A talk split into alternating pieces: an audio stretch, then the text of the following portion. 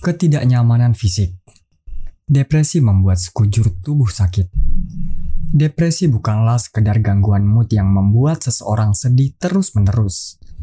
Lebih dari itu, depresi turut menyiksa seseorang yang mengalaminya dengan berbagai gangguan dan ketidaknyamanan fisik, seperti nyeri tulang belakang, gangguan lambung, perasaan lelah sekujur badan, gangguan tidur, serta nyeri sendi dan otot seperti leher dan pundak.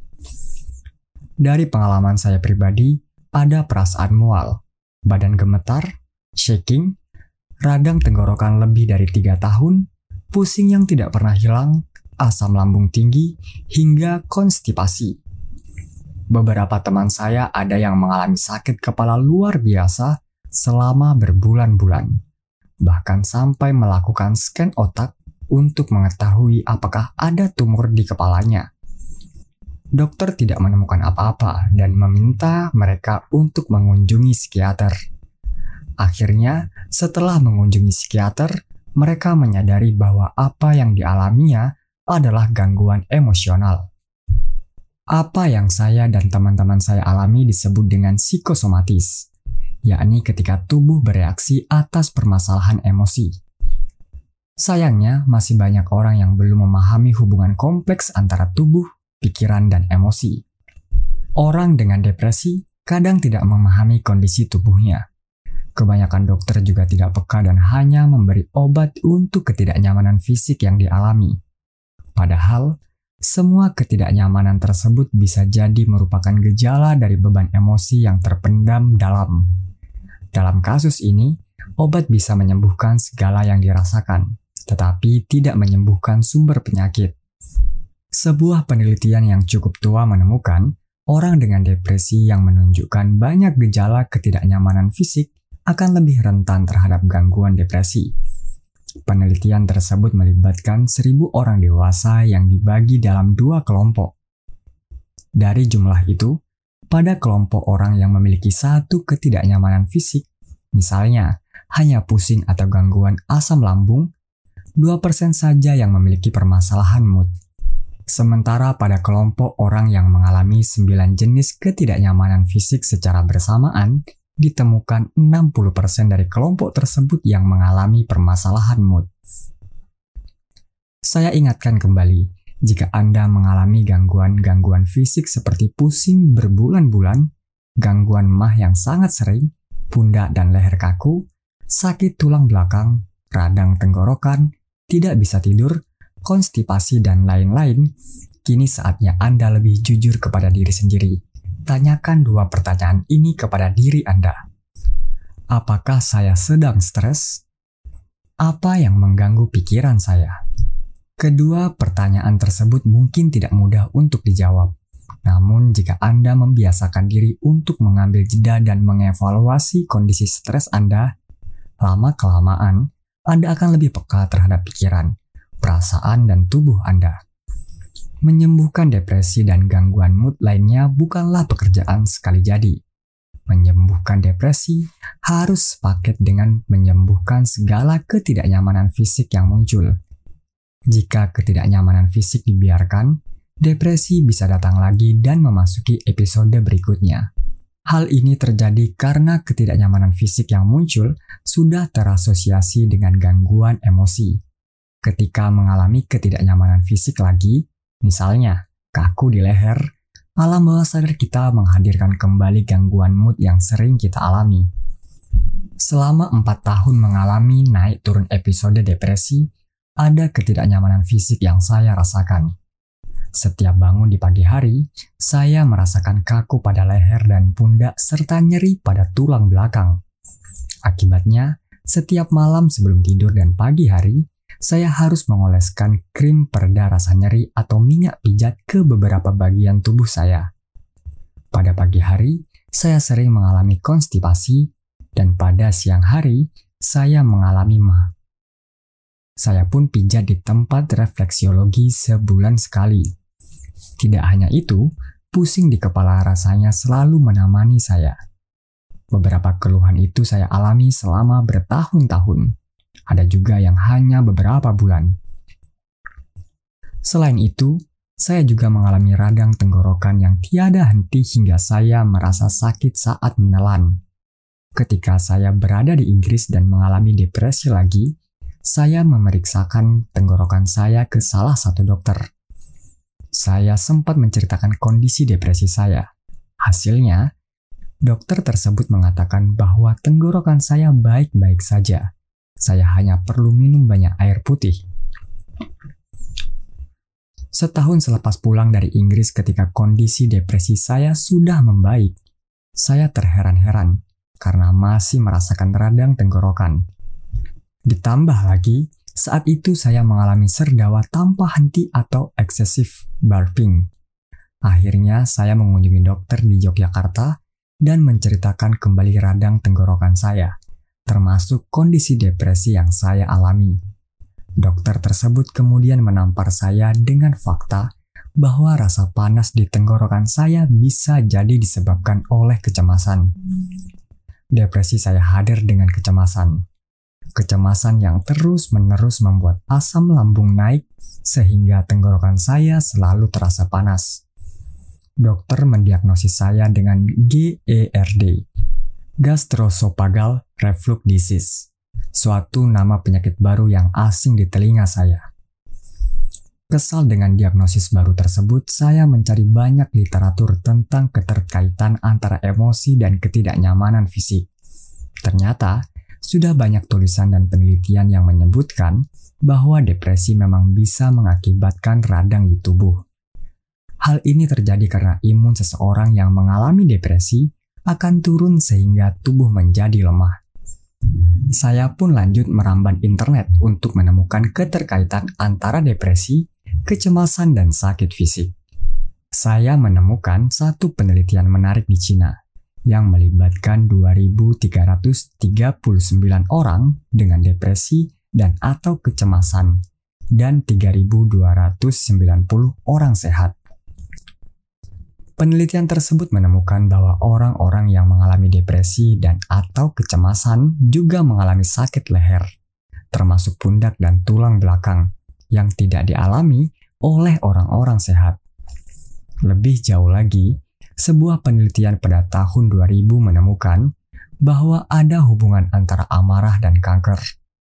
Dalam penelitian tersebut ditemukan bahwa orang-orang yang memiliki skor amarah yang sangat rendah memiliki potensi kanker di tubuhnya. Skor amarah yang sangat rendah justru mengindikasikan perasaan marah yang teramat besar tetapi sangat ditekan atau disembunyikan. Perasaan marah yang sangat ditekan itu pelan-pelan menjelma menjadi sel-sel kanker karena tidak pernah diekspresikan keluar tubuh dan jiwa seseorang. Penelitian tersebut merupakan penelitian awal, yang menginvestigasi asosiasi antara kanker dan emosi. Tentu saja masih dibutuhkan penelitian lain untuk memastikan apakah keduanya memang benar-benar memiliki hubungan sebab akibat. Biarpun masih memiliki awal, penelitian ini menjadi refleksi kita tentang hubungan antara emosi dengan segala hal yang terjadi di tubuh kita. Hubungan kausal antara perasaan dan tubuh Lau Hay, seorang terapis holistis, dalam bukunya yang berjudul You Can Heal Your Life, menjelaskan bahwa ada hubungan antara setiap ketidaknyamanan di fisik dan ketidaknyamanan emosi. Hal ini memang belum terbukti secara ilmiah karena ia menuliskan hubungan itu berdasarkan pengamatannya terhadap ribuan kliennya. Namun, bagi saya yang telah merasakan depresi bertahun-tahun, buku Lois Hay yang berjudul You Can Heal Your Life, Heal Your Body, dan Love Your Body membuat saya menemukan perspektif baru untuk melihat segala ketidaknyamanan fisik yang terjadi pada saya. Dalam buku tersebut dipaparkan beberapa contoh hubungan permasalahan fisik dengan permasalahan psikologi. Lois Hay mengamati klien-kliennya yang memiliki kasus ekstrim, Misalnya orang tua yang budek sering kali memiliki pasangan yang sangat cerewet. Menurut Lois Hay, orang tersebut jenuh dan lelah mendengarkan pasangannya yang sangat banyak bicara, entah itu komplain, kritik, atau tuntutan. Telinga adalah representasi kemampuan mendengar. Ketika seseorang mengalami gangguan di telinga seperti berdengung atau tinnitus, penyebab psikologisnya adalah ada sesuatu yang tidak ingin ia dengar. Leher Leher adalah penyangga kepala yang memungkinkannya bergerak ke kanan dan ke kiri. Leher melambangkan kemampuan manusia untuk fleksibel dalam berpikir, untuk melihat sisi lain dan perspektif orang lain. Jika ada permasalahan dengan leher, biasanya orang tersebut keras kepala dan kurang bisa melihat perspektif orang lain. Orang yang mengalami kaku di leher biasanya selalu memaksakan kehendak. Ia yakin bahwa perspektifnya selalu menjadi yang terbaik, sementara perspektif orang lain selalu salah. Tenggorokan Tenggorokan dan segala bagiannya adalah saluran penting yang membantu kita untuk bersuara dan menjadi simbol speak up dalam kehidupan. Permasalahan di tenggorokan menunjukkan bahwa kita merasa tidak punya hak berbicara dan hidup dengan cara kita sendiri. Orang yang mengalami masalah tenggorokan seperti radang, biasanya memiliki banyak hal yang ingin disampaikan ke orang di sekitarnya. Entah itu perasaan marah, kecewa, atau ingin bebas menunjukkan siapa diri sejatinya, tetapi tidak bisa karena berbagai halangan. Akibatnya, orang tersebut menahan segala ekspresi yang biasa ia sampaikan melalui kata dan memendamnya sendiri. Tulang belakang Tulang belakang mengindikasikan dukungan moral yang dimiliki seseorang. Rasa nyeri di tulang belakang menandakan perasaan tidak adanya dukungan, entah secara finansial dari pasangan, moral dari keluarga, atau religius dari Tuhan. Perasaan yang muncul ialah alam semesta berkonspirasi untuk menumbangkan diri dan hidup selalu penuh rintangan tanpa ada tangan yang menolong kita. Jantung Jantung, heart, yang sering diasosiasikan dengan cinta, love, adalah organ pemompa darah yang mengalirkan seluruh nutrisi ke seluruh tubuh. Lois Hay memandang jantung sebagai organ yang memompa kebahagiaan ke seluruh tubuh. Tanpa jantung, kita tidak akan bisa hidup dengan bahagia. Ketika merasa tidak bahagia dan penuh duka serta derita, kita menumpuk penyakit di jantung kita cobalah amati orang-orang di sekitar kita. Cobalah amati orang-orang di sekitar kita. Orang-orang yang mengalami serangan jantung bisa jadi adalah orang-orang yang menumpuk emosi negatif dan ketidakbahagiaan dalam dirinya. Perut Perut adalah representasi dari proses pencernaan karena di dalamnya terdapat berbagai organ pencernaan. Lois Hay menjelaskan bahwa dari aspek emosi dan spiritual, ketika ada permasalahan di perut, hal ini bisa mengindikasikan adanya pengalaman hidup yang belum dicerna dengan baik. Sebagai contoh, pada usia-usia transisi dari kuliah ke bekerja, banyak orang yang mengalami gangguan di perut karena mereka belum siap untuk mencerna realitas kehidupan yang dewasa, bayar cicilan, lembur, tekanan bekerja, dan lainnya. Gangguan di perut juga bisa terjadi karena ada pengalaman yang terlalu menyakitkan atau di luar kerangka berpikir kita. Misalnya, seorang perempuan yang dilecehkan secara seksual oleh pamannya sendiri yang selama ini dianggapnya sebagai paman paling penyayang sering mengalami ketidaknyamanan di perut. Pengalaman traumatis tersebut berada di luar kerangka berpikirnya, karena paman yang baik seharusnya memperlakukannya dengan baik batinnya tidak mampu mencerna pengalaman tersebut sehingga fisiknya menunjukkan ketidaknyamanan di perut sebagai simbol adanya proses pencernaan pengalaman yang terganggu.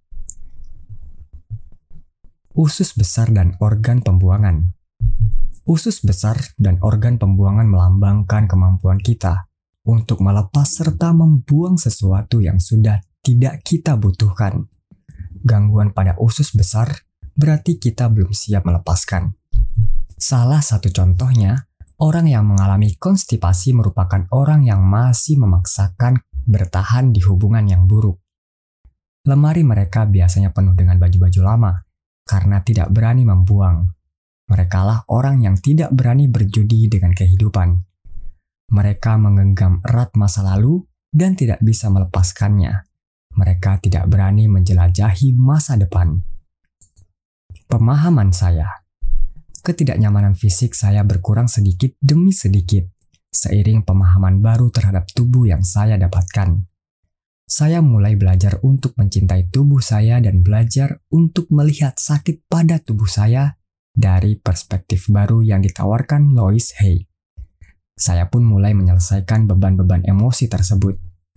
Selain penjelasan Lois Hay, saya pernah menyaksikan sendiri teman saya yang sembuh dari rasa pusing yang telah dialaminya bertahun-tahun. Berikut adalah sedikit cerita tentang pengalaman teman saya. Kita sebut saja namanya Rio. Rio sering pusing di bagian tengah wajahnya, persis di batang hidungnya. Dia tidak tahu mengapa hanya hidungnya yang sakit. Selama bertahun-tahun, depresinya naik turun dan pusing di kepalanya tidak kunjung membaik. Pada suatu hari, ia memutuskan untuk melakukan terapi untuk menyembuhkan pusing di hidungnya. Psikolog yang memfasilitasi emosinya mengajaknya kembali ke masa kecil dan mengingat segala peristiwa yang berkaitan dengan kepala dan hidungnya. Dalam proses terapi, ia akhirnya mengingat bahwa sejak kecil ibunya sering menarik batang hidungnya sambil mengatakan pesek. Ketika digali lebih dalam, ia juga ingat bahwa ibunya sempat bercerita kepada Rio bahwa ketika ia bayi, ibunya pernah dimarahi suster karena hidungnya ditarik-tarik sampai merah oleh sang ibu supaya mancung. Rupanya sang ibu tidak suka dengan bentuk hidung Rio yang dianggap terlalu pesek. Sebenarnya, ibunya juga tidak puas dengan bentuk tubuhnya sendiri, bahkan dengan bentuk hidung dan bibir suaminya. Sayangnya Rio yang masih bayi harus menerima energi negatif dari ibunya, sehingga ketika dewasa mengalami pusing menahun yang tidak jelas penyebabnya. Pada akhir sesi, psikolog memadu Rio untuk memaafkan ibunya yang telah berlaku kasar dan mentransfer energi negatif tanpa disadari kepada dirinya ketika bayi. Selain keluhan tentang pusing di hidung, kebencian Rio terhadap bentuk hidungnya membuatnya sangat mudah membenci bagian tubuh lain yang menurutnya tidak sempurna. Ia juga memiliki masalah low body image yang sangat serius. Rio juga diminta memaafkan dirinya sendiri dan berkata kepada hidungnya bahwa ia mencintai hidungnya yang pesek. Perlahan-lahan, ia mulai belajar untuk mencintai hidungnya yang pesek dan badannya yang agak gemuk. Perlahan-lahan, pusing di kepalanya mulai hilang, begitu juga dengan rasa sakit di bagian tubuh lainnya. Tubuh Anda sedang memberi sinyal. Tubuh, pikiran, dan emosi kita saling terhubung satu sama lain. Mekanismenya sangat kompleks dan sulit dipahami. Namun mari kita bayangkan secara sederhana seorang ibu tiba-tiba menerima telepon dari seorang yang mengatakan bahwa anak sulungnya meninggal akibat kecelakaan. Lututnya langsung lemas dan napasnya tersengal-sengal.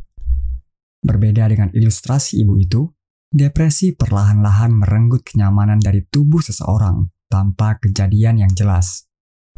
Itulah bagaimana segala bentuk stres dan reaksi emosi memberi pengaruh kepada tubuh, walaupun dalam skala kecil.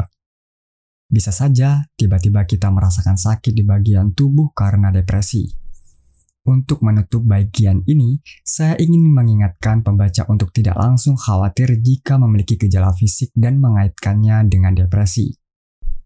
Kembali ke penelitian yang telah saya jelaskan, jika Anda hanya mengalami satu atau dua gangguan fisik, kemungkinan besar gangguan tersebut memang murni dari fisik.